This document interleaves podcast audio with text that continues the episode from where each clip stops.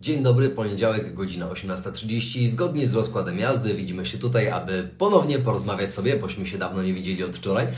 E, Dzisiaj będziemy rozmawiali na temat tego, która dieta jest dla nas najlepsza. Czy to jest dieta wegetariańska, czy to jest dieta mięsna, czy to jest dieta oksy, czy to są diety jakieś flexible dieting i tak dalej, i tak. Także porozmawiamy sobie dzisiaj z moim gościem, z Iwoną Wierzbicką na temat tego, w jaki sposób generalnie odnaleźć się w tym dietetycznym bałaganie. E, Ale zanim do tego dojdziemy, zanim będzie miała miejsce ta rozmowa, to dajcie proszę znać, czy cała audio i wizualna mm, otoczka jest spełniona. Także jakbyście mogli napisać, że nas widać, słychać, to byłoby fenomenalnie. Także teraz damy sobie chwileczkę, aby wszystkie osoby dołączyły. Widzę, że rzutem na taśmę bardzo dużo Was się pojawiło, także witajcie. I ja czekam na ten komentarz, że wszystko gra.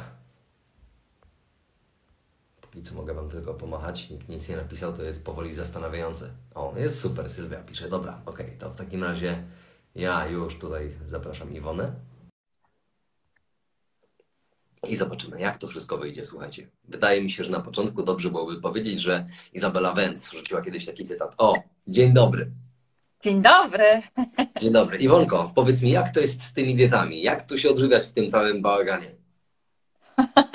A ty tak od razu, bez, bez wstępu. Od razu. Ja to wiesz, od razu bez jakichś pierwszych słów, od razu wchodzimy w temat. Chyba, że masz jakiś pomysł na takie wejście na rozgrzewkę, aż nam się ludzie w pełni nie załadują na Insta, to wiesz, ja jestem jak z dzieckiem, za rączkę i do parku. No poczekamy jeszcze może, bo widzę, że trochę osób dołącza. Dopiero wiesz, u mnie się pojawiła transmisja, więc pewnie e, wiele osób dopiero zauważyło. Przypomnę, że dzisiaj tematem są e, diety. Jak odnaleźć się w gąszczu diet i zarówno ja będę mówiła, jak będę chciała, żeby Kuba też się tutaj ze swojej strony wypowiedział. E, No bo faktycznie jest tak, że tych diet jest ogrom, a dietetycy trochę się podzielili. To znaczy jest też tak, że został ten front tam gdzieś kalorie i pięć porcji produktów pełnoziarnistych, tak? Czyli ten tak zwany evidence-based medicine. E, Te osoby, które wiesz, są bardziej po stronie tego, co kiedyś głosił i że dzisiaj ta instytucja trochę zmieniła nazwę. No i mamy tą drugą stronę, dietetyków, którzy mają trochę otwartą głowę, ale nie ma co ukrywać, że każdy z dietetyków ma swoich faworytów wśród diet, tak? I niektórym osobom bliżej jest do czegoś, a innym osobom bliżej do jakiejś innej diety, a jeszcze inni są tacy trochę bardziej liberalni. Więc ja też będę chciała dzisiaj Ciebie podpytać, za jakimi dietami Ty jesteś, jakie diety faworyzujesz i czym się kierujesz, dobierając dietę pacjentom, czy opowiadając o dietach. Nie? Dzisiaj na przykład taka modna dieta, tak jak wspomniałeś, Oxy, Dash, czy na przykład śródziemnomorska. No ale e, powiem Ci tak, wrogiem tego wszystkiego jest wiedza, bo jeżeli Ty wiesz, że na przykład ryby są skażone rtęcią, arsenem i Ty widzisz te badania u ludzi i widzisz później korelację, jaka jest między e, akumulacją rtęci czy arsenu w organizmie, a zdrowiem człowieka, to zaczynasz sobie myśleć, kurczę, ale gdzie w tym wszystkim e, jest ta zdrowa dieta śródziemnomorska oparta na rybach? E, Może ona była kiedyś bardziej zdrowa, a dzisiaj jest mniej ze względu na to, że te morza, oceany są zanieczyszczone i dopiero za jakiś czas będziemy mieć badania, tak? E, I ja mam tutaj duży problem, bo moja wiedza cały czas wzrasta. Ona wzrasta wraz z pacjentami, wzrasta też wraz z nowymi pojawiającymi się informacjami. Tych informacji dzisiaj jest dużo, bo mamy popularność diet, takich jak keto, jak carnivore, jak dieta paleo. Wiesz, jak pisałam książkę o diecie paleo, to jeszcze nie było tak dużo wiedzy, bo tak dużo osób nie stosowało i nie było na kim zrobić w ogóle tych badań. A dzisiaj jesteśmy w stanie zrobić trochę więcej i wiemy trochę więcej na ten temat. Zdecydowanie. Znaczy, ja Wam chcę powiedzieć jedną bardzo ważną rzecz, bo chyba jakaś telepatia nam zadziałała z Iwoną, bo ja planowałem w ogóle tę rozmowę rozpocząć od tego, w jaki sposób my możemy poruszać się po tym świecie diet, co jest zdrowe, a co jest uznawane za, za zdrowe, co sprawdzi się w przypadku pacjenta A, a co niekoniecznie może być w Mhm. przypadku pacjenta B. I chciałem też troszeczkę porozmawiać o tym moim zdaniem nieco toksycznym środowisku dietetyków. Mm, Wydaje mi się, że zwłaszcza toksyczne wobec osób, które chyba mają taki trochę problem z ustaleniem własnej wartości, nie? że tak się chcą rozbijać na boki, bo ja uważam i wydaje mi się, że Iwona mnie tutaj poprze, że każdy powinien zająć się sobą, tak? Czyli masz swoich pacjentów, masz swoje doświadczenia, swoją bazę wiedzy i to po prostu sobie krzewisz. I tak jak masz coraz lepsze efekty z tymi pacjentami, no to masz coraz więcej pacjentów, jesteś coraz bardziej szanowany, znany, lubiany i tak dalej. Natomiast w tym całym środowisku jest kilku, jak nie kilkunastu takich ludków, co to woli pokazywać, ty jesteś taki, a ty napisałeś to, tamto i owamto. I uważam, że to robi bardzo dużą szkodę generalnie naszym konsumentom, pacjentom, klientom, generalnie tym wszystkim osobom, które chcą się jakoś zainspirować dietetycznie. Dlatego, że mhm. Izabela Węc chyba bardzo fajnie to podsumowała słowami, że dietetyka jest chyba jedyną nauką ścisłą, w której na jedno zadane pytanie jest wiele prawidłowych odpowiedzi jednocześnie. Tak I to jest chyba taki w ogóle punkt wyjściowy od tego, czy dana dieta, właśnie dasz śródziemnomorska, paleo, keto, carnivore, czy jakakolwiek inna jest mhm. zdrowa. Myślę, że to powinno być dla nas przeznaczone tak jak dobry ciuch. Dobry ciuch ma dobrze leżeć na tobie, a nie na koleżance czy tak na koledze i masz w niego wejść na siłę. Tak, nawet no, dzisiaj miałam pacjentkę też, która mówi, beznadziejnie się czuję, kiedy jem rośliny. Mam wzdęcia po nich. Przeszłam na dietę keto. Pytam się, ale jak się pani czuła? No świetnie się czułam. To dlaczego pani nie jest na keto? No bo wszyscy dookoła zaczęli mnie straszyć, że będę mieć zawał serca. Ja mówię, aha, czyli to w takim razie lepiej jest mieć problem z jelitami, czuć się jak kupa, e, mieć problem z tym, że ten brzuch jest duży, że tam się przelewa, gdzie my wiemy, że stany zapalne idą też od jelit i wiadomo, że tam się źle dzieje i ta dieta nie służy, to my wolimy się dzisiaj źle czuć w imię tego, żeby w przyszłości nie zachorować na chorobę, która nawet nie jest pewna, czy będzie, tak? Bo jeszcze jakby nie mamy długoterminowych badań, a jak wiemy, ludzie nawet na dietach keto potrafią się różnić w tym, co wybierają jako asortyment, bo ktoś może być na keto, ale jeść konserwy tyrolskie, a ktoś inny będzie na keto, będzie jadł parówki, a jeszcze inny będzie, jadł na, będzie na keto, będzie uważał, że jest na keto, a będzie jadł tylko kurczaki, bo będzie wciąż liczył kalorie, bo tak, jedną nogą se przejdę do keto, ale liczę kalorie, bo żeby ich nie było za dużo, no to wiadomo, że jeżeli tłuszcz jest kaloryczny, to będzie wybierać chude produkty, czyli nie będzie na keto, a będzie na takim pseudodiukanie, tak? Więc, nawet jest bardzo trudno skonstruować badania, które nam pokażą, e, czy te diety faktycznie są dla nas prozdrowotne, czy one są prochorobowe wręcz. No bo raz, że asortyment, dwa, że ludzie mówią tak, a ja panią trochę oszukiwałem, bo ja niby byłem na tym keto, ale jednak sobie podjadałem, tak?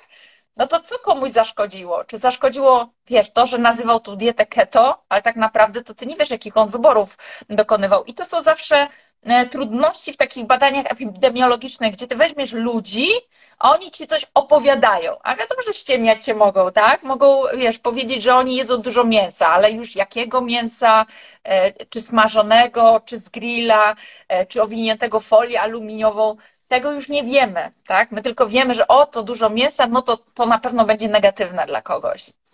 Znaczy, generalnie ja uważam, że jeden z głównych problemów, e, który dotyczy żywienia, czy ogólnie interwencji żywieniowych, jest to, że tak może trochę dziwnie to zabrzmi, nie ma badań w ogóle, żadnych, tak? Takich naprawdę rzetelnych, bo musimy wiedzieć, że badania mm, z kategorii A, tak? Czyli ten niezbity dowód, że generalnie wygląda to, to w ten sposób. Kubie Mauriczowi ktoś na śniadanie daje 100 gramów chleba pełnoziarnistego, do tego daje mu jakąś tam pastę stworzoną z tylu gramów makreli i tak dalej, tyle jajka, tyle jakiegoś tam super fajniejszego majonezu, jakiegoś tam, wiesz, nie z rzepaku. E, I Kuba to zjada, po czym ktoś siedzi i pilnuje, żeby Kuba nie scheftał się gdzieś tam do toalety, żeby faktycznie te kalorie dedykowane Kubie Małowiczowi były. I to byłoby tak. takie badanie niezbitego dowodu. Niestety wszystkie te badania, które są i dotyczą interwencji żywieniowych, one są ankietowane, a sami wiemy, jak tak. bardzo często sami chcemy się wybielić. Ja zresztą ostatnio przyjmując pacjenta, to sam się śmiał, że mówi, ma dziecko z niepełnosprawnością i mówi tak do żony, ty zobacz, mówi, jak potem te dzieci mają otrzymać realną pomoc, jak my już teraz na starcie w tej ankiecie kłamiemy, żeby po prostu się zakwalifikować do danego badania czy programu i tak dalej. I niestety bardzo często w tych ankietach też jest właśnie to, że nie, zjadłem chudą szyneczkę, popiłem wodą źródlaną i tak dalej, a do tego zagryzłem sobie słupkami selera naciowego. No nie, no, potem po prostu wychodzą jakieś rozbieżności i, i, i niestety tak to wygląda, jak wygląda. Więc ja uważam, że badania badaniami, ale taki czysty evidence-based medicine, tak, czyli ten nurt EBM, to jest tak trochę patrzenie na świat przez dziurkę od klucza, czyli mamy naprawdę bardzo wąskie spektrum i zastanawiamy się, czy ten dowód ma faktycznie jakąś, e, jakiś większy sens, jak możemy to przełożyć generalnie właśnie na naszych pacjentów, czy na edukację, na takich profilach jak, nie wiem, instagramowe konta facebookowe, tiktokowe i tak dalej. I co takiego ci ludzie mogą zrobić? Bo tak jak sama powiedziałaś, ten przykład pacjentki, która nie wejdzie na dietę keto, czy paleo, czy jakiś inny low carb, high fat, bo ją straszą, że ona umrze na zawał serca. Czyli lepiej się Znaczy dobrze się na niej czuje, tak? Dobrze tak. się czuje, ale się wystraszyła, więc no może lepiej nie. Tak, więc to jest naprawdę duży problem i mm, wydaje mi się, że takim podstawowym elementem powinno być stworzenie takiego podejścia, że dietetyk wybiera chyba tą najprostszą drogę do celu, tak? Czyli zamiast iść jakimiś zygzakami do tego punktu B z punktu A, to idziemy po prostu po, po proste jak po sznurku. E, oczywiście, jak to się mówi, to jest model teoretyczny, tak? Czyli dietetyk chce, a w praktyce wyszło może tak, nie? Ale mimo wszystko taki klucz wiolinowy, jakiś zawijas, i tak będzie zdecydowanie lepszą opcją niż to, co pacjent może zrobić przy pomocy internetu. Bo niestety mówi się, że a teraz na YouTubie jest wszystko, w Google'ach jest wszystko, ale niestety jak patrzymy, co ten pacjent sobie wygoogluje, to czasami nóż w kieszeni się otwiera. Ja ostatnio miałem pacjentkę, która naczytała się, że woda z solą himalajską jest tak zdrowa, że uważaj, wypijała dwulitrowy dzbanek takiej solanki dziennie. I mówię, to też nie tędy droga, żeby po prostu tak się przeładowywać solą. Mhm. Tak jeszcze a propos tego evidence-based medicine, bo ja się kiedyś przyjrzałam temu, tej definicji i w tej definicji chodzi o to, że mamy doświadczenie pacjenta, badania naukowe i doświadczenie klinicysty. No jakimś cudem e, dietetycy, którzy cały czas podkreślają, że są evidence-based medicine, wyjmują sobie z tego tylko jedno koło, tylko te badania, które oni przeczytali, ale nie słuchają e, pacjenta i nie patrzą na to, jakie mają doświadczenie, bo na pewno mają doświadczenie, że u kogoś coś zastosowali, jak ktoś przychodzi i mówi, nie, to mi nie służy, nie, mam problem, nie, mam problem z cerą, mam problem wypróżnić się, mam problem z jelitami. E, czyli powinni poszukiwać dalej, tak? Czyli powinni się otworzyć również na inne badania e, i poszukać gdzieś w swoim doświadczeniu, w doświadczeniu swoich kolegów po fachu. A oni są zamknięci tylko na tą jedną kulkę, e, która składa się na, na, na całość, tak? To powinno się z tych trzech pól złożyć. Więc to jest tak naprawdę ten evidence-based medicine. A druga kwestia, co powiedziałeś, że w internecie jest dzisiaj tyle informacji i super, że jest informacji tyle, tylko że ludzie nie potrafią z tego korzystać, bo ludzie bardzo chcieliby zamknąć swój organizm, który jest złożoną machiną, gdzie wiemy, że mamy różne geny. Epigenetyka, E, nasi praprzodkowie, e, być może jakieś nawyki też e, z dzieciństwa, być może to, jakie mieliśmy predyspozycje do wybierania pokarmów jako małe dzieci, jak nam się ukształtował mikrobiom, różne rzeczy mogą mieć wpływ, tak?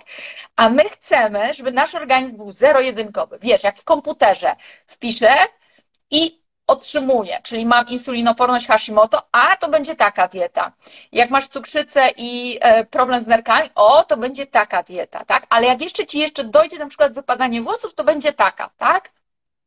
I oni szukają tej diety w internecie e, i naszukają się różnych rzeczy. Tak jak mówisz, woda z solą himalajską, ale nie pomyślą, czy ona jest dla każdego dobra, czy może dla mnie, jak ja się z tym czuję, e, jak to na mnie oddziałuje. Fajnie, że są te informacje, bo kiedyś nie było czegoś takiego, jak wpisałeś, mam pryszcze na czole, z czego to może być. To się niewiele dowiedziałeś, a dzisiaj się dowiesz. To może być od tego, tego, tego. Idź tym tropem, szukaj, ale ludzie nie chcą szukać, bo to jest za trudne, chcą prostych rozwiązań. I jak kiedyś szukałam informacji, no od czego możesz mieć omdlenia i skurcze? No to generalnie to się nie dowiedziałeś, może spadek ciśnienia. Dzisiaj się dowiesz, że może to tężyczka, możesz za tym pójść, tak? I to jest fajne i, i, i ja, dla mnie to, że dzisiaj jest dostęp do informacji, to to jest genialne, ale nie oczekujmy, że my dostaniemy gotowca po prostu podanego, bo my możemy mieć dzisiaj mnóstwo innych rzeczy. I kiedyś to było dużo prostsze, bo kiedyś wystarczyło po prostu jeść naturalnie. A dzisiaj ludzie przez to, że kombinowali, to się nabawili alergii wziewnych na różne rzeczy, alergii pokarmowych, nietolerancji e, jakieś nietolerancji histaminy, salicylanu, wiesz, dzisiaj możesz mieć ogrom tego. Do tego naładowali się metalami ciężkimi, toksynami środowiskowymi i jeszcze żyją w przewlekłym stresie. Więc to po prostu nie może działać prawidłowo i człowiek A nie będzie się równał człowiekowi B, ani C, ani D. Każdy jest inną osobowością. Zdecydowanie. To jest prawdziwy koktajl Mołotowa, to co powiedziałaś przed chwilą, czyli niestety bierzemy pod uwagę, że tych czynników środowiskowych, które zaburzają nasze zdrowie, samopoczucie, wiesz, zaczynając od układu odpornościowego, dzięki czemu mamy coraz większy wysyp alergii, zarówno tych natychmiastowych, jak i tych reakcji opóźnionych, tak, i reakcji IgA, IgG zależnych, e, nietolerancja histaminy, kwestie chorób autoimmunologicznych, no to jest prawdziwy wysyp, a potem ktoś jakby nie potrafi porównać tego środowiska. Ja w ogóle moim ulubionym e, takim, wiesz, argumentem jest to, że a mój dziadek jadł chleb i żyje i nie miał Hashimoto. Mówię, tak. ludzie, więc twój dziadek to w ogóle jadł chleb, który faktycznie wychodził z pieca i tak dalej, był na zakwasie, a nie takie, wiesz, pulpet jakiś mrożony, który potem w Biedronce czy w Lidlu ktoś wsadza do pieca i za trzy minuty pipczy, że trzeba to wyciągnąć, a z kolei pod koniec dnia, jak ten rzucisz mocno żonę, no to trup na miejscu, bo po prostu to jest... Tak. E, także to jest coś, czego chyba nie różnicujemy i to, jak nasze środowisko zmienia się na przestrzeni nie tylko setek lat, ale nawet dekad. Zobacz, że nawet porównując, nie wiem, nas, no jesteśmy w podobnym roczniku, więc to, że ktoś był w szkole, tak ktoś był w szkole i miał telefon komórkowy, to było wow, nie? I nawet jak to był telefon komórkowy, to może to była Nokia 3310, gdzie pisałeś SMS-a gdzieś tam po klawiaturze z tym tezarusem słynnym, albo grałeś węża, więc biorąc pod uwagę iPhony i inne tak smartfony, to, że teraz możesz mieć tak, na lekcjach możesz udawać, że jesteś w szkole, a siedzieć sobie gdzieś tam na jakimś podcaście i ze słuchawkami sobie gdzieś tam słuchać czegoś, że jesteś cały czas podpięta do maila, do Instagrama, do TikToka, do pozostałych rzeczy, to strasznie wysysa nasze neuroprzekaźniki. Mhm. Zresztą nawet problemy ze snem ile się tego nagromadziło w toku tego, że dzieciaki faktycznie e, wieczorem jeszcze oglądają sobie jakieś rzeczy, a potem albo moje dziecko nie może spać. Mówię, pierwsze co, godzina 20, telefon do koszyczka, dziękuję, dobranoc. E, I zajmijmy się czymś innym, nie wiem, poczytaj sobie książkę, pogłaszcz psa i tak dalej, zrób sobie jakąś mobilizację, cokolwiek innego. No ale dobra, my o dietach i tak. Właśnie w tych dietach wydaje mi się, że motywem takim początkowym byłoby powiedzenie, że stosujemy dietę nieprzetworzoną, tak? Czyli jak ktoś mówi mhm. produkty bez składu. Kupujesz pomidora, tak. to nie musisz czytać składu, bo wiesz, że to jest pomidor. Kupując pierś kurczaka, pałki e, od kurczaka, wiesz, że to są właśnie nóżki kurczaka, to jest pierś kurczaka i tak dalej. Problem zaczyna się w momencie, kiedy na przykład wybieramy produkty, które w jakimś tam stopniu są przetworzone. Ja pamiętam chyba wiele, wiele lat temu nawet ty wsadzałaś pasztet, że myślałaś, że kupiłaś pasztet, a potem zobaczyłaś taki skład, w tak. związku nawet ze skrobią, z jakimiś tam glutenami i tak dalej, więc po co komu pszenica w pasztecie, no ale tam generalnie chyba było z 30 składowych mm, w tym pasztecie, więc pytanie, czy to był pasztet, czy produkt pasztetopodobny? I tego powinniśmy się raczej wystrzegać, bo jak ktoś mówi, że o, czerwone mięso powoduje nowotwór, choroby serca i tak dalej, to zobaczmy, czy faktycznie te badania były randomizowane i czy tam wzięli pod uwagę jakąś baraninę, wołowinę czy wieprzowinę, czy tam faktycznie dali salceson, salami, jakieś tam frankfurterki, mielonki tyrolskie, tak jak mówiłaś i pozostałe rzeczy, które w zasadzie koło mięsa chyba nie do końca nawet blisko leżały. Czekaj, bo salceson jest super. No to zależy też jaki, nie? Ale... Tak, ale wiesz, no mówimy, e, mówimy o takich wyrobach, e, które no zakładam, że nie kupiliśmy w markecie, że to nie jest salcesonopodobny wyrób, tylko faktycznie składa się z podrobów, tak? Bo to też warto po powiedzieć. Wiesz, dzisiaj mnóstwo ludzi kupuje kolagen, a tak naprawdę może mieć ten kolagen naturalnie, kupując choćby salceson, w którym są skórki. Ale wiesz, dzisiejszy człowiek to się brzydzi, ojoj, skórki, brwi i rzęsy, no to jest tragedia po prostu, że ja takie rzeczy będę jeść, o taki jestem obrzydzony ale tak naprawdę to dawno temu takie rzeczy się jadło. Jadło się móżdżek, jadło się szpik kostny, jadło się podroby, jadło się salceson, robiło się swoje wyroby na wsi. Więc znowu te, nawet te badania WHO, które pokazują, że samo mięso nie ma w 100% udowodnionego działania rakotwórczego i mnóstwo badań to jakby wyklucza. Nie ma, nie ma dowodów naukowych, które to potwierdzają. Natomiast mięso przetworzone tak, ale znowu nie możemy przetworzonego wkładać do jednego gara, bo jeżeli my zrobimy swojską kiełbasę, jeżeli my zrobimy swojską parówkę, jeżeli zrobimy swojską szynkę, to to nie są produkty przetworzone. Przetworzone to będą takie, kiedy dodamy konserwanty, wzmacniacze smaku, właśnie jakąś mąkę, dodamy jakiś olej roślinny tam. No i przetworzone to są również te, które sobie obrabiamy termicznie. No, jeżeli to jest coś, co jest krótko duszone i jeszcze na tłuszczu takim, który nie ulega utlenieniu, czyli weźmiemy sobie na przykład oliwę, która jest całkiem fajna do smażenia, czy olej kokosowy, czy nawet krótko na tym smalcu sobie podsmażymy, krótko, tak, żeby nie poszło nam to z dymem, to to jest wciąż ok.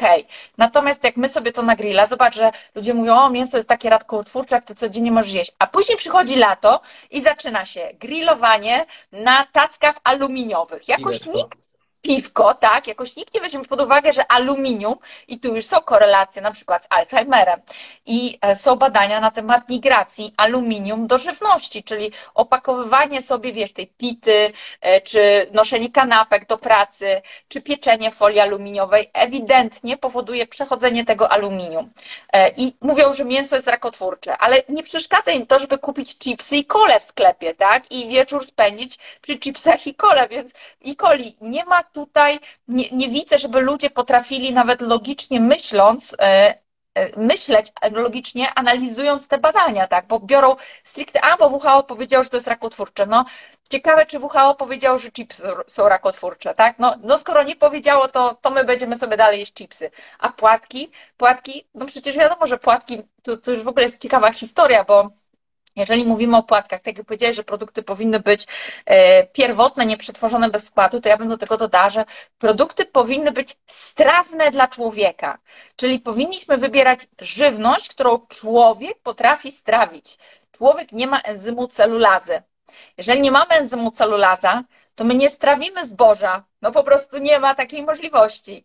Więc zboże jest zaadaptowanym produktem do spożycia dla człowieka. A jeżeli jest zaadaptowanym, to jak w przypadku każdego zaadaptowanego pokarmu, może stanowić tylko część pożywienia. I tak samo robi się w przypadku zwierząt. No w psich karmach czasami znajdujemy soję. No my wiemy, że pies nie trawi soi, tak?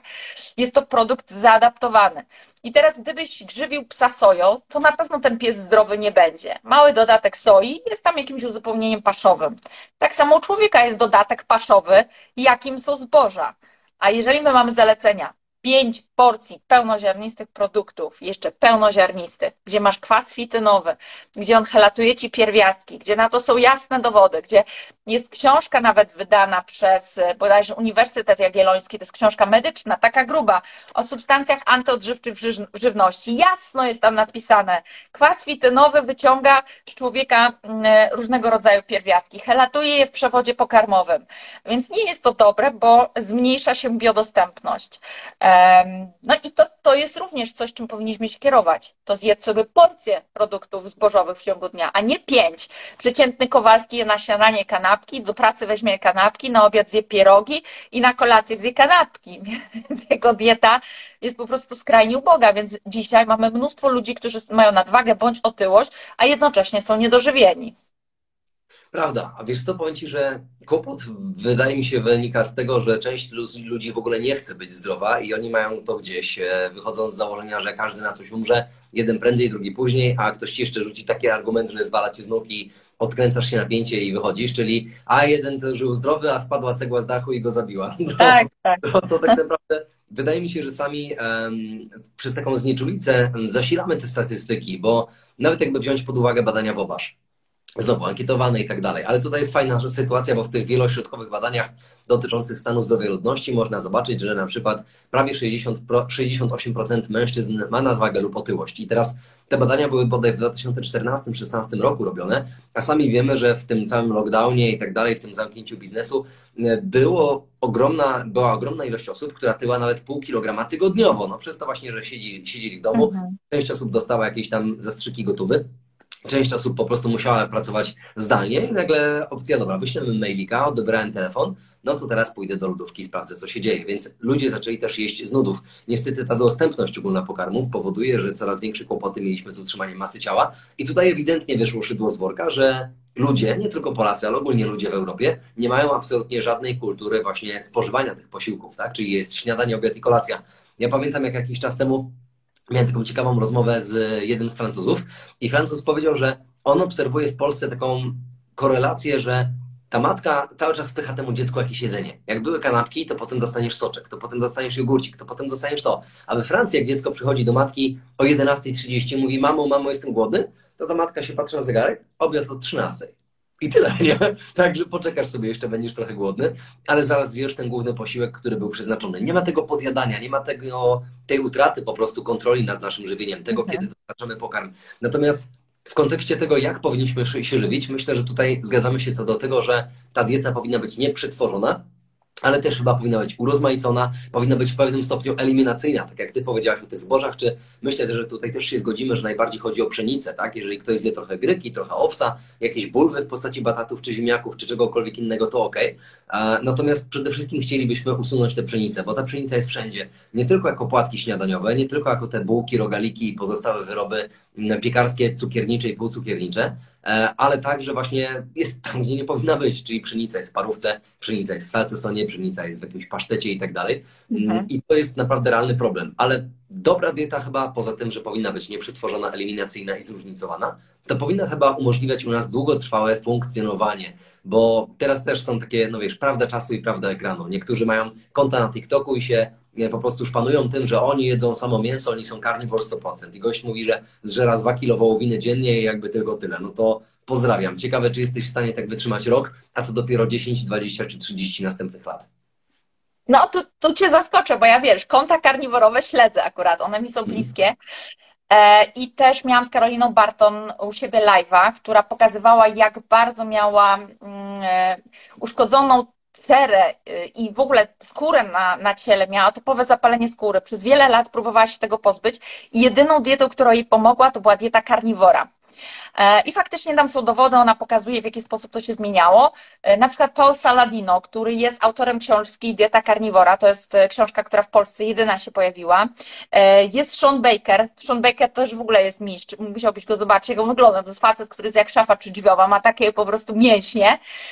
I on bo w karniworze też się ludzie trochę różnią. Ten to już w ogóle je tylko mięso, chyba nic więcej, bo Paul Saladino to on tam mieszka w ciepłych krajach, chyba na Karaibach i on w diecie karniwora oprócz tego, że ma mięso, oczywiście ma e, produkty mleczne, na przykład od kozy, no to jeszcze oczywiście tam jajka, no i trochę sobie urozmaica owocami. On w ten sposób sobie dorzuca, e, dorzuca sobie węglowodany, no bo też wiemy, że żywność roślinna ma takie działanie bardziej wychładzające, a mięso bardziej takie ogrzewające, co zresztą czuć, jak przechodzisz na dietę dąbrowskiej i przechodzisz w takim okresie zimowym, no to po prostu marzniesz, bo ta dieta bardzo wychładza, zresztą to też wiadomo z medycyny chińskiej, o tym wychładzającym i ogrzewającym działaniu pokarmu. No i powiem Ci, to są ludzie, którzy wiele, wiele lat funkcjonują na takim sposobie odżywiania. Ja też przez wiele lat miałam problemy z jelitami i też próbowałam, a to więcej zbóż, mniej zbóż, no kiedyś to były tylko książki, takie wiadomo. I im więcej jadłam e, zbóż, tym większe miałam problemy z jelitami. To wszystko bulgotało, przelewało się z gagi, odbijanie, no to była jakaś katastrofa. Stąd też moje zainteresowanie w kierunku diety paleo. Czyli taka, wiesz, dieta, w której nie jemy zbóż, czyli tak zwana dieta pierwotna, no bo ona zakłada, że człowiek po prostu nie, no nie trawi zbóż, no bo my skrobi nieobrobionej termicznie też nie strawimy. Skrobia, jeżeli nie jest obrobiona termicznie, to jest oporna na trawienie. No i ta celulaza, e, której my nie mamy, czyli nie jesteśmy w stanie jakby dobrać się, tak? Czyli my musieliśmy posiąść wiedzę, że to trzeba łuskać, e, ściągnąć okrywę, następnie zmielić, zalać wodą, i sobie upiec, tak? Czyli to jest taka wiedza, którą musieliśmy posiąść, żeby sobie zaadaptować pokarm. Czyli pierwotny człowiek na pewno tego nie wiedział, a poza tym nie wyobrażam sobie, wiesz, 10-15 tysięcy lat temu człowieka, który idzie widzi, o Boże, ale dużo pszenicy, no to sobie nazbieram, tak? Raczej to było na zasadzie listki sobie pozbierał, e, jakieś jajeczka sobie tam znalazł ptaka, jakieś robaki sobie znalazł, czy na jakieś zwierzę zapolował. To prędzej w ten sposób wyglądało. E, I i okazało się, że ta dieta była kluczowa do zmiany w ogóle jakości mojego życia i mojego zdrowia. Jelita mi się totalnie uspokoiły. Natomiast było ciągle coś, bo tak, raz, że węglowodany ciągnęły, bułeczki ciągnęły i co wróciłam do bułeczek, to nie umiałam z nich wyjść, więc widziałam, jakie to jest uzależniające, jak to wciąga. No bo dla naszego organizmu, no to no nie ma co ukrywać, to jest cukier. No. E, skrobia w żołądku rozpadnie się na tysiące małych cząsteczek glukozy, więc dla organizmu jest to cukier. E, I też nie za bardzo przepadałam za warzywami. Jakby od dziecka miałam coś takiego, że warzywa hmm, niezbyt dobrze się po nich czuję.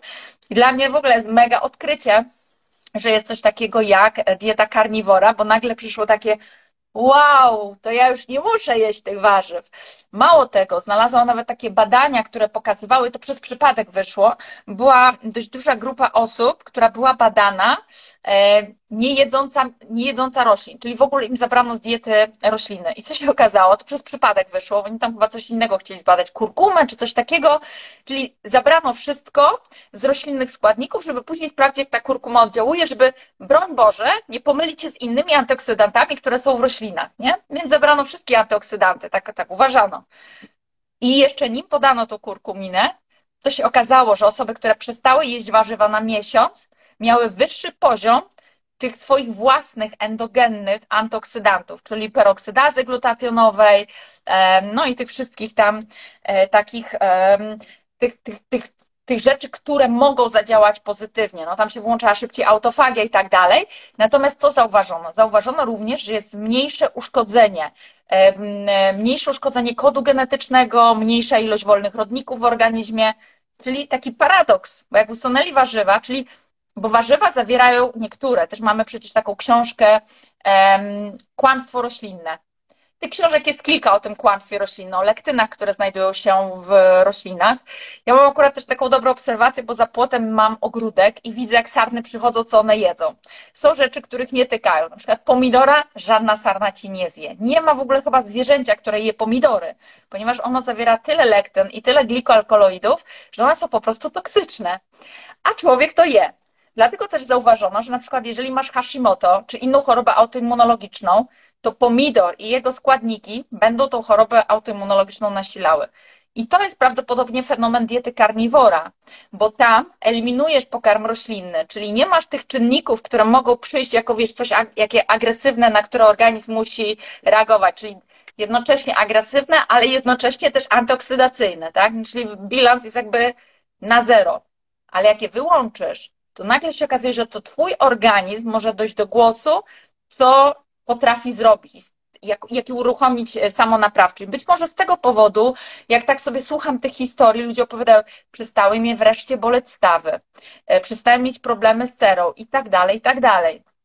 Tylko niestety pojawia się pewien problem, bo nie każdy może jeść nabiał. Niektórzy mają po nabiale zaraz kluchę w gardle, problemy z jelitami, niektórzy mają nietolerancję jajek i zaczyna się tutaj dramat, tak? Bo zostaje ci na przykład samo mięso.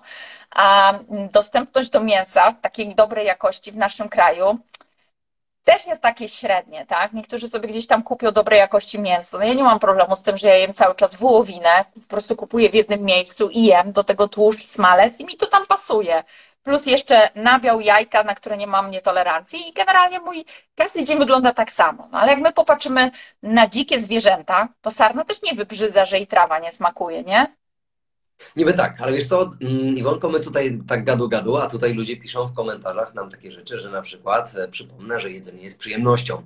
Zgadza się, ale myślę też, że gdyby tylko chodziło o przyjemność, to tak naprawdę stracilibyśmy kontrolę trochę nad tą ilością, tak. E, kalorii, które dostarczamy, więc zaburzony stosunek białek, tłuszczu, węglowodanów. Wiesz, gdyby osobiście mnie zapytać, co ja bym takiego jadł, gdybym e, miał mieć jedzenie i tylko przyjemność, to ja bym jadł właśnie jaką, jakąś polędwicę wołową w sosie miodowo-musztardowym, do tego bym ja zjadał sobie Raffaello, popijał gorącą czekoladą, gdzieś tam być może jakąś tam, wiesz, coffee bym sobie strzelił, także no nie wiem, czy to jest takie też super, aczkolwiek z drugiej strony umówmy się też, że faktycznie skoro jedzenie ma być przyjemnością, ale przy okazji jedzenie powinno być też zdrowe i zindywidualizowane do tego, e, o kim konkretnie mówimy, to faktycznie fajnie jest używać tych przypraw. Fajnie jest trochę bawić się tą obróbką termiczną, fajnie jest zwracać uwagę na pewną różnorodność, na jakąś kuchnię fusion, na połączenia smaków i tak dalej. Więc myślę, że to jest fajne, bo mm, powiem Ci, ostatnio rozmawiałem z moim kolegą, który też jest dużym, e, akurat na swoim przypadku tylko. On prowadzi też wiele osób, natomiast na swoim przypadku stwierdził, że ta dieta może nie carnivore, ale animal based z pewnością, tak? Czyli tam z 80% produktów pochodzenia zwierzęcego ma w tej diecie. Na pewno nie jest burz, bo ma podobny problem do ciebie, tak? Czyli tam wszystko mu bulgocze, wiesz, IBS i tak dalej. Wszystkie tego typu ma zachowania, więc tego unika. Natomiast w dużej mierze opiera się o produkty zwierzęce i zauważył sam, że jeżeli ilość błonnika rośnie mu powyżej 10 gramów dobowo, gdzie są takie ogólne wskazania prozdrowotne, takie wiesz, dla ogółu populacji, że z 20-30 gramów błonnika to byłoby tak. Nawet 40. Tak, tak. To on mówi, że powyżej 10 mhm. gramów to już się zaczyna taka jazda, pokazuje mi, patrz, ja bez błonnika, ja z błonnikiem. Nie? I ten brzuch po prostu wywalony z tak. kosmos, mimo że tak naprawdę w tych testach wodoru i metanu nie wyszło tam wiele, ponad 20 jednostek e, w ciągu tych pierwszych dwóch godzin od wykonania testu, więc no jakiś IBS i tak dalej, fermentacje, FODMAPy, wszystko po kolei mu wjechało. I bardzo mi się podoba to, co mówisz ze swojego doświadczenia, tak? Że jest właśnie ta dieta karniworii, niektórzy jedzą tylko mięso, inni z kolei to rozszerzają.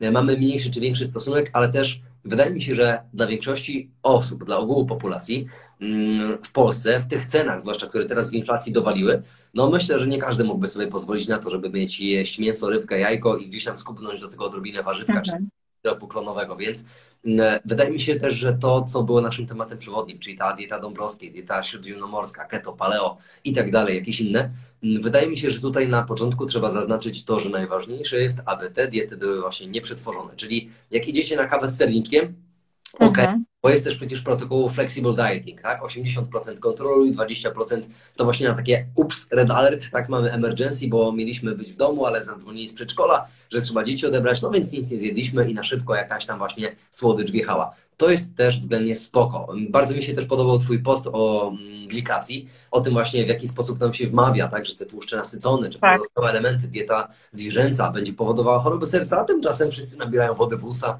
jeżeli chodzi o glikację, o te cukry i o to, co... Jakoś się o tym nie mówi, że cukrzyca i wszystkie powikłania, które są związane z podwyższonym poziomem hemoglobiny glikowanej przecież. Tak. Znaczy wiesz co, mnie to w ogóle razi e, z jednego powodu, bo najczęściej mają z tym problem właśnie ludzie legitymujący się EBM, nie? Czyli na każdym kroku ja jestem EBM, ja jestem, wiesz, oparty na dowodach, ja nie jestem szamanem czy Bóg wie kim innym, a tak naprawdę nawet NFZ pokazuje w statystykach, jak wypikował w górę tak naprawdę cukier rafinowany z jednoczesnym spadkiem spożycia cukrów nierafinowanych, co trzeba przetłumaczyć w ten sposób, że ludzie zaczęli jeść mniej warzyw i owoców, czyli tych cukrów naturalnie występujących, a zaczęły się właśnie napoje gazowane i tak dalej. I każda możliwa praca, solo czy metaanaliza, to jest cały czas kola, soczki i tak dalej, napoje, wszystkie po kolei Tak. napoje słodzone jako główne, główna przyczyna, czy to insulinoporności e, i potem cukrzycy typu drugiego, czy nadwagi, otyłości i chorób współwystępujących, jak choroby serca. No więc o co tutaj, kurczę, jego mać chodzi, nie? Więc e, tutaj jest naprawdę bardzo duży problem w tym, że ludzie nie rozumieją, że faktycznie cukry naturalnie występujące, bo też propos pomidorów, ostatnio jeden człowiek mi skomentował, że on przyglądał ostatnio e, jakieś opakowanie 400 gramów pomidorów siekanych i tam 25 gramów cukru, o zgrozo. A ja mówię, ale jakby to jest cukier naturalnie występujący i ja wiem, że teraz z tymi pomidorami to trochę zabiliśmy całą kuchnię włoską, no bo jak to przecież margaritkę jakąś nawet sobie wypiec, czy spaghetti bolońskie. Natomiast e, cukry naturalnie występujące w takim stężeniu właśnie jak w tych pomidorach, nie wiem, 6-7%, no bo skoro 25 gramów w 400 gramach, no to te 25 podzielić na 4, to gdzieś tam byłoby te 5-6 gramów. Mm, tak naprawdę musimy wziąć pod uwagę, że tu chodzi o cukry rafinowane, czyli te pączki, drożdżówki, jakieś pozostałe wyroby cukiernicze, półcukiernicze, ciastka, wafelki, lody. To jest przede wszystkim do wyeliminowania albo znaczącego ograniczenia. Mm, Ja to uwielbiam, e, te statystyki z dziećmi. Wszyscy szukają, Boże, skąd te polskie dzieci tak tyją, skąd te dzieci mają nadwagę i otyłość. Ludzie, ja widzę, co się często wypakowuje w tych szkołach, czy w przedszkolach, czy w żłobkach nawet. No to jest tak, albo jakieś mleczne kanapki, kinderki, czy jakieś pozostałe właśnie słodzone napoje, soczki. E, Dzieci tak naprawdę jak chcemy, żeby się zamknęły, to dajmy im cukierki. No nie halo trochę, nie? I jednak uczmy tych cukrów, które naturalnie występuje. Winogrona też są słodkie, jabłko jest słodkie. Tak, ale wiesz, zauważ, że dzisiaj mamy taką e, dyskryminację wody, a mm, wysławianie pod niebiosa soczków. No bo człowiek nie koń, nie pies i nie powinien pić tylko wodę, tylko lepiej, jeżeli będzie pił soki. I kto to widział pić, e, pić wodę, tak? Jakby woda to stało się, to, to jest coś takiego pejoratywnego dzisiaj. To jest jakby takie, o matko, to myśmy już spadli w randze, nie wiem, jakiejś tam społecznej, co my tylko wodę będziemy teraz pić. No zobacz, jak rzadko dzieci mają w butelkach wodę, najczęściej mają soczek. I wiesz, z jednej strony zgadzam się z tobą, że mamy cukry takie i takie, ale z drugiej strony, jak podajesz soczek, to jednak ten owoc to nie jest owoc, który ty zjadłeś i się nasyciłeś, tylko to jest cztery owoce wyciśnięte do butelki, tak? Więc koncentracja tych owoców jest ogromna w tym momencie, a dziecko dostaje sok. My mamy potrzebę wypicia dwóch litrów i teraz wyobraź sobie, że dziecko na przykład wypije litr takich różnych soczków w ciągu dnia. To jaką ilość fruktozy e, i cukrów pozostałych przyjmie do swojego organizmu, gdzie nie ma wytrwania, no nie ma takiego e, momentu pomiędzy posiłkami, gdzie ten organizm jest, wiesz, w takim spokoju. Dla zębów to jest źle, no bo cały czas kwasy owocowe e, wytrawiają. Zęby nie miały się kiedy remineralizować, a rodzice się zastanawiają, skąd się wzię, wzięła próchnica. E, No i z drugiej strony cały czas do układu pokarmowego idzie cukier. Jak idzie cukier, no to enzymy trawienne muszą się uruchomić. Ten układ pokarmowy nie ma w ogóle spokoju w tej sytuacji. Wiesz co, ja chcę zwrócić uwagę też w przypadku dzieci na jeden aspekt. E, Najpierw rodzice, czy tam wiesz, wujkowie, dziadkowie, szeroko pojęta rodzina i przyjaciele, najpierw przynoszą tym dzieciom jakieś chrupki, chipsy, płatki, e, wafelki i innego rodzaju słodycze, a potem ci sami ludzie drą się na te dzieci, że uspokój się, biegasz po ścianach i tak dalej. Ej, no to jest tak jak nawet dać źrebakowi, dać mu kiszonkę, tą trawę kontra owiec, no to ten źrebak od razu odwala rodeo i dzieci naszpikujemy cukrem, a potem się zastanawiamy skąd w nich tyle energii. No właśnie z tych 4 kilokalorii na gram w stężeniu 80% w 100-gramowej porcji. Także e, to jest też właśnie kłopot, natomiast sama woda jest faktycznie problemem i powiem Ci, że ja z jednej strony załapałem taką mikrodepresję, a z drugiej strony się bardzo cieszyłem, bo nie wiem, czy pamiętacie, ale Ronaldo na konferencji prasowej wziął tą Pepsi, Tak. która była sponsorem i powiedział, wypieprzcie to, pijcie wodę, dajcie dzieciom wodę, to woda jest zdrowa. Nagle akcje chyba Coca-Coli o 4 miliardy gdzieś tam zmalały i to jest super, absolutnie, natomiast ci biedni dietetycy od dekad tak naprawdę mówią, słuchajcie, pijcie wodę i tak dalej. Nie, nic. Ronaldo przez 30 sekund wywalił butelkę coli, nagle wszyscy zaczęli pić wodę, także e, wspaniałe to jest, ale z drugiej strony jest niestety właśnie ta era social mediów, prawda czasu, prawda ekranu Mhm. E, i tutaj wydaje mi się też, że powinniśmy podejść zdroworozsądkowo, bo być może ktoś zainspiruje się tobą, Iwonko, i też stwierdzi, dobra, nie będę jadł jakichś warzyw, owoców i tak dalej, będę jadł sobie mięcho. I trzy dni później będzie siedział na kiblu i zastanawiał się, hmm, dlaczego nie mogę urodzić tego materiału kałowego, nie? Więc też myślę, że powinniśmy przede wszystkim dać takie zdrowe zasady ogólne, ale potem oczywiście indywidualizacja, bo moja dobra znajoma i, i chyba twoja, wydaje mi się, że też doktor Dorota Helling-Sobkowiak powiedziała kiedyś, że ona wierzy w to, że medycyna jest sztuką, a człowiek nie jest jakąś cyferką w statystyce. I wydaje mi się, że to jest też takie najważniejsze podejście w kontekście tego, jak ogólnie działać, tak? Właśnie w przypadku swoim, czy rodziny, czy pacjentów, będąc jakimś dietetykiem, nie wiem, trenerem żywienia, trenerem personalnym, etc. E, to jest najważniejsze, żeby mieć po prostu świadomość tego, że zawsze wykonujemy jakiś twórczy eksperyment, bo mm, nawet właśnie ten EBM, tak, ten evidence-based, o którym mówiłaś, on tak naprawdę daje nam tylko niezbędne narzędzia, a to my mamy je implementować na żywym organizmie, więc to jest zawsze trochę twórczy eksperyment, no bo przyjdzie nam człowiek i my nie wiemy, jak on zareaguje na te właśnie warzywa, owoce, mhm. grupy wysokofodmapowe, jak on będzie y, odpowiadał na mięso, bo widziałem też był taki jeden Mm, jeden komentarz, że a, ja mam właśnie tak samo jak pani Iwona, tylko pod kątem mięsa. Może masz nawalonych klostridiów, czy innych bakterii gnilnych, protolitycznych, które faktycznie mhm. potrzebują trochę tego wsparcia bakterii tych, które wytwarzają amylazy, tak? czyli te enzymy, które właśnie mają posilić tym błonnikiem, aby tych kwasów masłowych, czy też innych kwasów krótkołańcuchowych, takich pozytywnych dla naszego zdrowia i samopoczucia wytworzyć. Także najpierw podstawy, a potem indywidualizacja, a więc obserwuj, przewiduj, reaguj. To są takie zawsze mhm. standardowe kroki, które powinniśmy wdrożyć. Tak jest, tak, to jest podstawa. No wiesz, ja mówię o jakiejś skrajności tutaj, ale ja może jakby specjalnie o tym też powiedziałam. Nie chciałabym, żeby to było odebrane, że każdy się tak powinien żywić. No bo dzisiaj mamy jednak modę na, e, na keto, więcej się o tym mówi. Dzisiaj pojawiło się też karniwora. I chodziło mi o to, żeby nie demonizować, tak? Że zaraz się, wiesz, pojawiają takie skrajności, Boże, to wy będziecie chorzy, bo przecież mówią, że, że mięso jest złe, że kupy nie zrobicie. No ale okazuje się, że te, e, ten kwas masłowy, on się i tak produkuje w naszych jelitach. E, kupę robi, e, no wiesz, tygrys też robi kupę, niezależnie od tego, czy ma błonnik, czy nie. Mojemu psu, jak dam coś nieodpowiedniego, to wręcz ma, wiesz, rzadkie szczęście. Człowiek może nie robić kupy, dlatego że ma glistę i też powinien się tutaj pod tym kątem zdiagnozować. To moim zdaniem to jest bardzo ważne, żeby wyjść od tego, że przede wszystkim, bo ludzie sobie zbyt mocno komplikują, przede wszystkim, żeby ta dieta była mało przetworzona, strawna, wsłuchaj się w siebie, po czym tobie jest dobrze, po czym masz spokój w jelitach, po czym masz pełną koncentrację. Bo wiesz, jeżeli mówi się na przykład, że dieta wegańska czy wegetariańska jest najzdrowsza na świecie, a ty czujesz, że tobie ciągle zimno, bulgocze ci w jelitach, masz szarą cerę, masz pryszcze na twarzy, zauważasz, że masz jakieś problemy z koncentracją, bo nie czaisz, co dookoła ciebie ludzie mówią, tak? Jakby nie, nie, nie czaisz tego, to powinno ci coś zaświtać, że to najprawdopodobniej sposób, w jaki się odżywiasz, jest, e, jest nie okej. Okay. I co z tego, że wszyscy powiedzą, że dieta wegetariańska czy wegańska jest najzdrowsza, a ty chcesz dożyć 150 lat, bo ci jakieś tam plemię Hunza e, dali jako przykład. A z drugiej strony mogą ci dać przykład ludzi, którzy mieszkają na Alasce, albo mogą ci dać przykład, którzy na pewno nie są na diecie wegańskiej. No nie ma takiej możliwości. Albo plemię Masajów, które pomimo, że mieszka w Afryce, to żywi się produktami głównie odzwierzęcymi, no bo tak po prostu wybiera.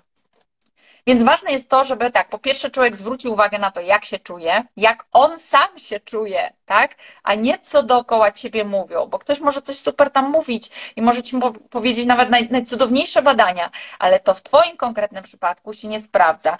I dlatego też mówię o tej diecie e, keto czy karniwora, żeby dać ludziom furtkę, żebyśmy się tego nie bali, jeżeli tobie to służy. Tak samo jak mówię, jeżeli tobie weganizm służy, jeżeli ty się czujesz super na diecie wegańskiej, bądź na niej. Być może twoi pra, pra, przodkowie wywodzą się z takich plemion, którzy jedli rośliny. I oczywistym jest, że ty nie wszystko trawisz, część rzeczy wydalasz, no bo celulozy nie trawisz, koń też dobrze trawy nie trawi, żadne zwierzę zresztą dobrze trawy nie trawi, ale ma określone bakterie, no ludzie ich nie mają. No to, to po prostu przeleci. Musisz zjeść więcej takiego pokarmu, żeby dobrze siebie odżywić. Zresztą to się też często podkreśla, że weganie czy wegetarianie potrzebują jakiejś dodatkowej suplementacji, no bo nie są w stanie wytworzyć sobie odpowiedniej ilości witaminy B12, choć badania pokazują, że jak masz dysbiozę jelitową, to witamina B12 się produkuje po kurek, tylko nasz organizm z niej nie potrafi skorzystać. I znowu to jest takie błędne. Idziesz, patrzysz w laboratorium, ojej, jestem na diecie wegańskiej, ale e, witaminy B12 aż mam nadmiar, no to chyba super, ale nie bierzesz pod uwagę, że jednocześnie masz dysbiozę i te bakterie produkują to witaminę B12 dla siebie, a nie dla twojego organizmu. A to jest taka tylko obwodowa, a nie wchodząca wewnątrz do komórki. Także mm, temat diety jest, wiesz... Trudny. To jest to jest, powiem Ci, ja to bardzo często tłumaczę, że dietetyka to jest tak troszeczkę jak zepsute jabłko. Wygląda ładnie z zewnątrz, fajnie, apetycznie, jak potem wejdziesz, to ojoj, nie?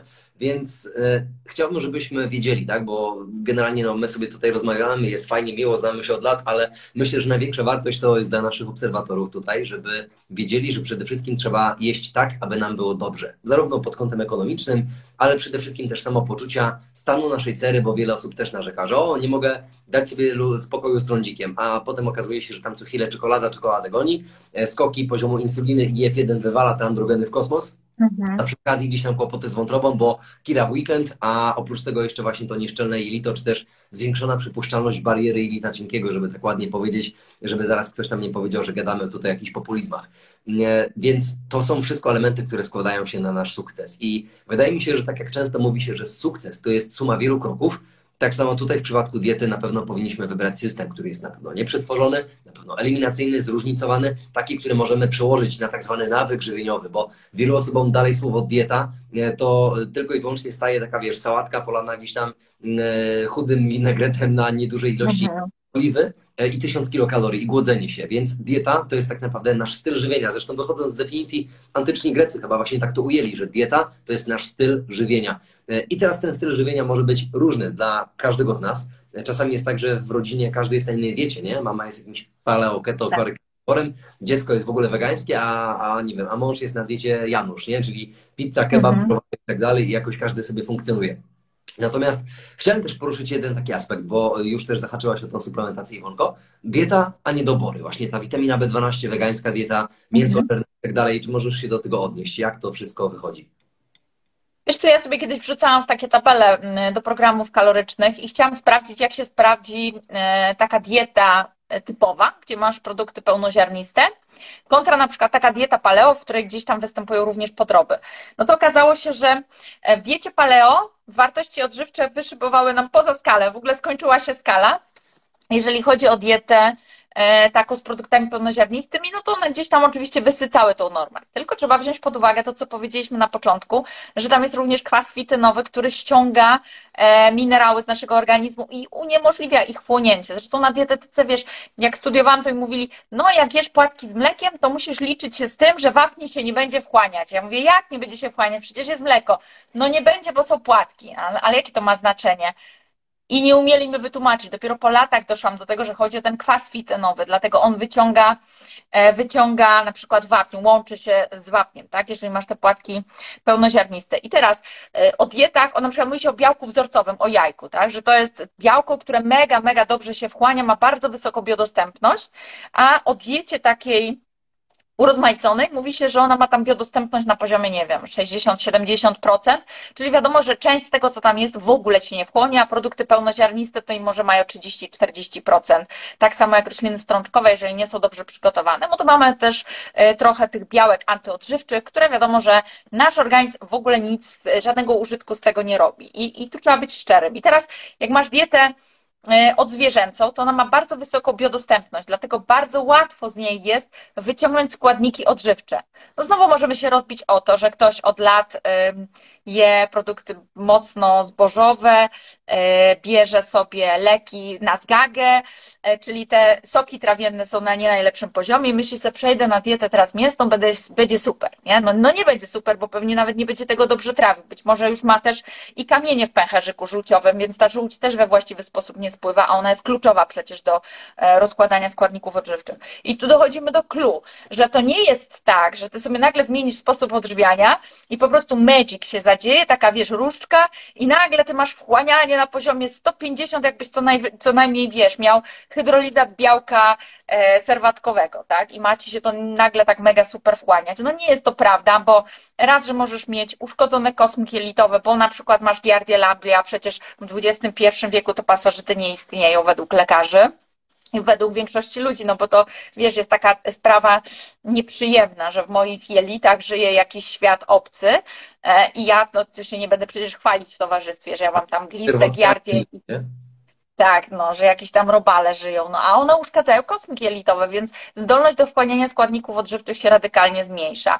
Do tego dzisiaj mnóstwo ludzi cierpi jednak na choroby przewlekłe. Zapewne ma to wpływ na to, one zawsze pewnie z nami były, ale wydaje mi się, że to, co dzisiaj się dzieje i te obniżone odporności organizmu powoduje, że te bakterie potrafią się mega rozwijać w naszym organizmie.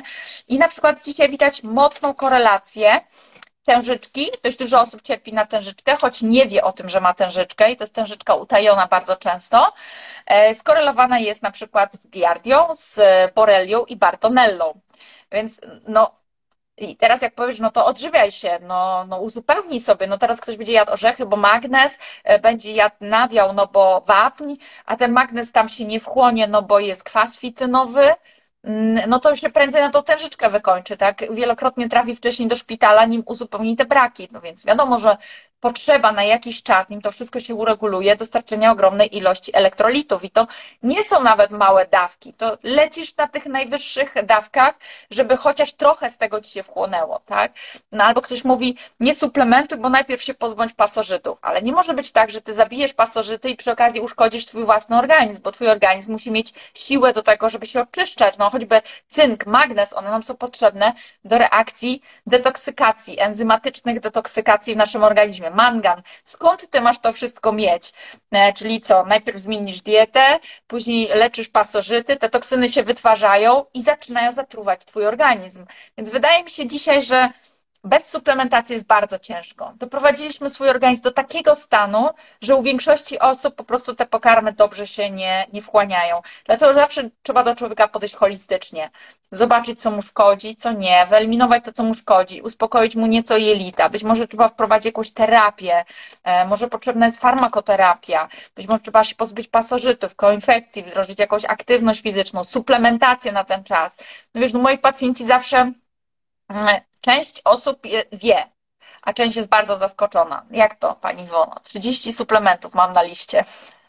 No tak, ale jeżeli ktoś jest zatruty rtęcią, e, do tego jest zatruty mykotoksynami. E, mykotoksyny wyszły za skalę, wiesz, jest takie badanie też. E, do tego ma kandidę, do tego ma pasożyty, do tego ma niewydolną wątrobę, niewydolne nerki to jak ty możesz dać jednego suplementu? Tutaj nie ma, tak? A e, wchodzimy wtedy bardzo zaawansowane takie procesy, bo na przykład chcemy udrożnić jakiś szlak w organizmie albo zabezpieczyć, żeby te toksyny wtórnie się nie wchłaniały. Czy wiesz co, e, generalnie to, co mówiłaś wcześniej, propos tej wyprawy, jest skórki za wyprawkę, tak? Czyli, że zrobisz coś, a, a nie zwracasz uwagi na dużo większy aspekt, to chyba bardzo fajnie to podsumował Kelly Starrett w swojej książce Bądź sprawny jak Lampard, ten polski tytuł tłumaczony. I tam była taka opcja, że kochanie, zrobiłam tosty, ale spaliłam dom, więc coś kosztem czegoś, no troszeczkę tutaj nie wyszliśmy na nasze, nie? Z drugiej okay. strony warto też jest powiedzieć o tym, że na jakiejkolwiek byśmy diecie nie byli, to jednak to ryzyko niedoboru w wyniku tego, w jaki sposób teraz jest produkowana żywność, czy to właśnie te fityniany, tak, czy pozostałe jakieś garbniki, które no, helatują, wiążą te składniki mineralne, często doprowadzając do niedoborów, KPU, które jest coraz częściej też e, diagnozowane u coraz większej liczby osób, to wszystko powoduje jednak, że jakąś tą suplementację podstawową przynajmniej, taki dos, dosłownie POZ, nie? Podstawowa, podstawowa opieka zdrowotna, powinniśmy sobie coś takiego wdrożyć. Ja tutaj cały czas tak myślę, a propos tych witamin grupy B, składników mineralnych i tak dalej, e, o tym, co Ty zrobiłaś tutaj w Bestlabie. Pozwolę sobie pokazać, żeby uhonorować Cię. Witamin Best Westla Baba i Iwonka Wierzbicka, naprawdę super sprawa, 22 składniki mineralne, jak widzicie tabelka jest naprawdę szeroka i powiem Ci, że to jest też, tak jak Ty w jednym filmiku krótkim tutaj mówiłeś, że to jest produkt, który Ty byś dedykowała każdemu pacjentowi. Tak się składa, że ja też każdemu mojemu pacjentowi ten produkt daję, dlatego, że to jest taki kompleks na sterydach trochę, nie? Czyli mamy nie tak. tylko właśnie odpowiednie formy i dawki tych witamin grupy B, ale także właśnie nośniki w postaci krzemu, tak? czy też dosyć rzadkie pierwiastki, jak bor, mangan, molibden, jod, który jednak w tych e, dzisiejszych czasach dla funkcjonowania tarczycy jest też bardzo ważny.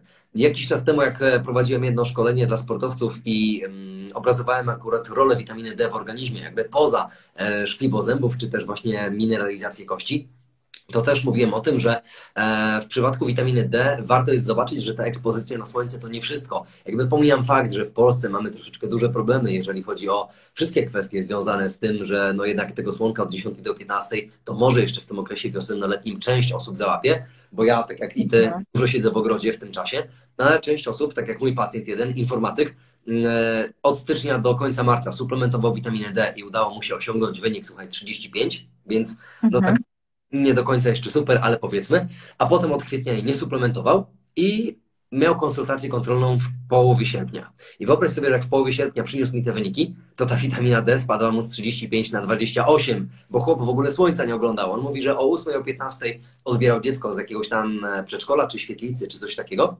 A tak, to był silnie zamknięty i sobie plumkał cały czas na temperaturze, więc no bez słońca tak naprawdę w okresie wiosenno-letnim, gdzie wiele osób mówi, nie, nie suplementować witaminy D, bo gdzieś tam się stoksyfikujecie i tak dalej, poza skalę wam wyjdzie, u chłopa był akurat deficyt. I tak samo było badanie na lekkoatletkach z Kalifornii, gdzie Kalifornia jest chyba najbardziej nasłonecznionym stanem w USA i też się okazało, że sama ekspozycja, ekspozycja na słońce nie wystarczyła. Trzeba było mieć jeszcze żywienie bogate w witaminę D, gdzie znowu tutaj może być problem, bo jednak w tym żywieniu w, spor w sporcie bardzo często stawia się właśnie na skrobie, na węglowodany, a nie na te tak. tłuste, które mają więcej witaminy D. No i suplementacja, więc okazało się, że u tych sportsmenek też był poziom średniego poziomu satysfakcji, między 20 a 30, tak? czyli ten delikatny niedobór.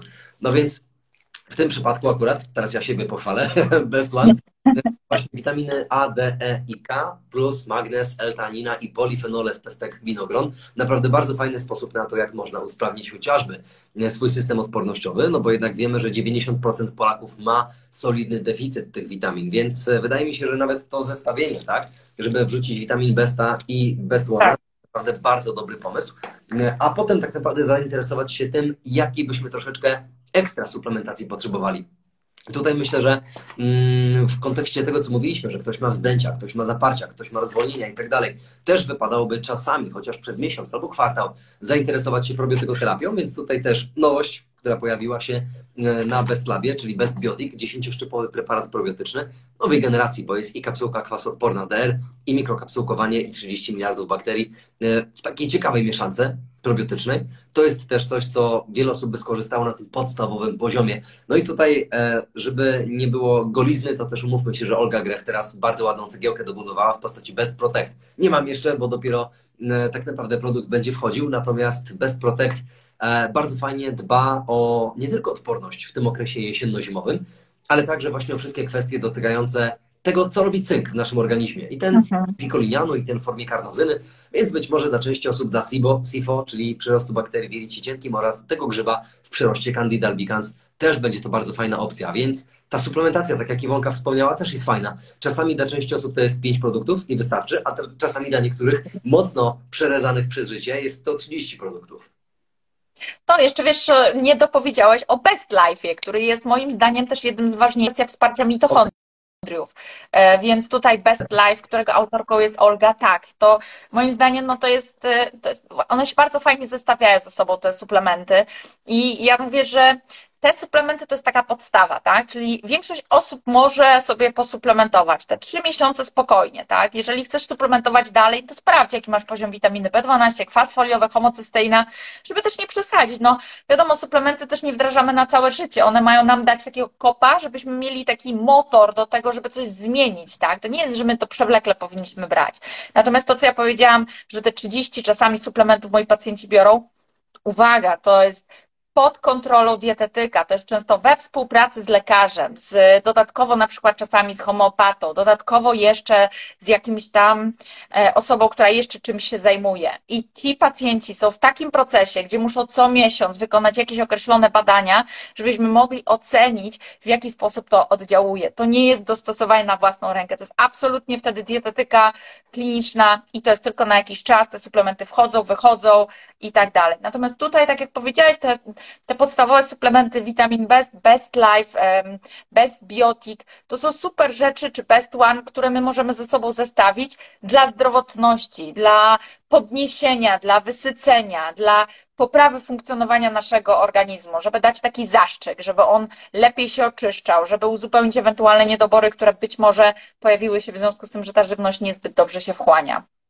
No właśnie o to chodzi. Czyli na początku trzeba, że tak powiem, potraktować organizm chyba jako nieruchomość, którą bierzemy z rynku wtórnego i patrzymy tak, dobra, tu grzyb, tu tynk do skucia, tu nie podoba mi się podłoga i trzeba wprowadzić pewne zmiany. Więc w tym przypadku właśnie ta suplementacja ma dawać efekt takiego jakby szybkiego efektu before after, bo część osób mówi, że a suplementy nie i tak dalej, to samo można zrobić z żywnością. No być może tak, ale pytanie, czy osiągniesz ten sam efekt, tą samą skalę i ile to ci zajmie, czy to będzie x naście miesięcy, czy nawet lat, w porównaniu do dwóch, trzech miesięcy, gdzie naprawdę to zdrowie, wygląd i samopoczucie, dobre suplementy, czyli takie, jakie my wszyscy właśnie tutaj tworzymy, czyli Gosia Ostrowska, ty, Olga Grech i ja, to można powiedzieć, że jest to taki fajny udział, który e, naprawdę szybko pomaga to mm, zdrowie i samopoczucie poprawić. Tutaj jeszcze, żeby Gosia Ostrowska nie była takim piątym kołem uwozu, to powiedzmy też sobie właśnie, że Neurobest, e, czyli też produkt, który też czasem można też przesadzić, nie? Gdybyśmy połączyli sobie witamin Best i Neurobest, bo i tutaj, i tutaj znajdziecie duże spektrum witamin grupy B, ale to też zostawiam chyba Waszej rozwadze i temu, żeby wiedzieć, w jaki sposób to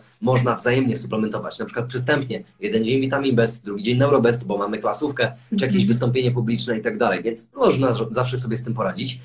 Ale ta suplementacja jest naprawdę bardzo, bardzo ważna. I słuchajcie, jako że E, już zmierzamy tutaj do końca, to chciałbym Wam wspomnieć tylko jeszcze o jednej bardzo ważnej rzeczy, bo nie wiem, czy wiecie, nie wiem, czy wszyscy tutaj byli na wczorajszym też live, który jest zapisany na kanale Best Lab i u mnie, ja się nazywam Jakub Małowicz dla przypomnienia, e, gdzie mówiliśmy o promocji, która trwa od niedzieli, czyli od wczoraj, aż do jutra włącznie, tak, czyli do wtorku do godziny 23.59.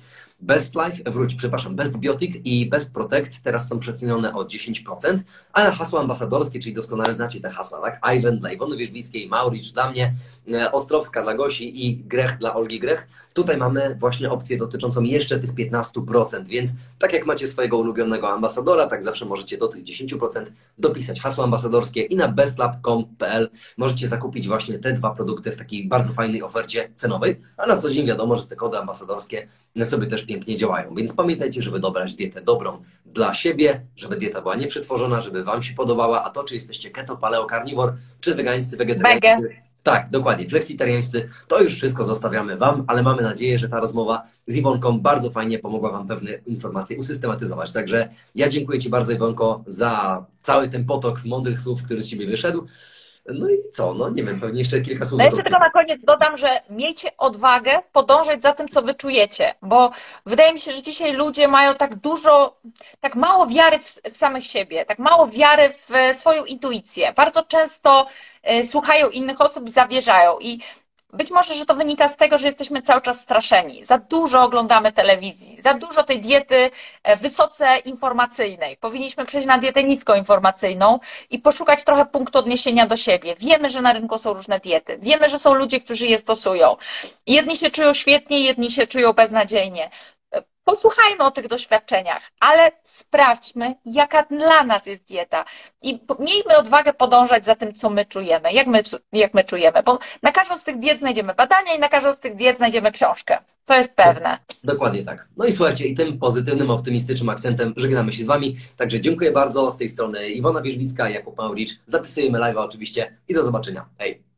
Dziękuję, hej.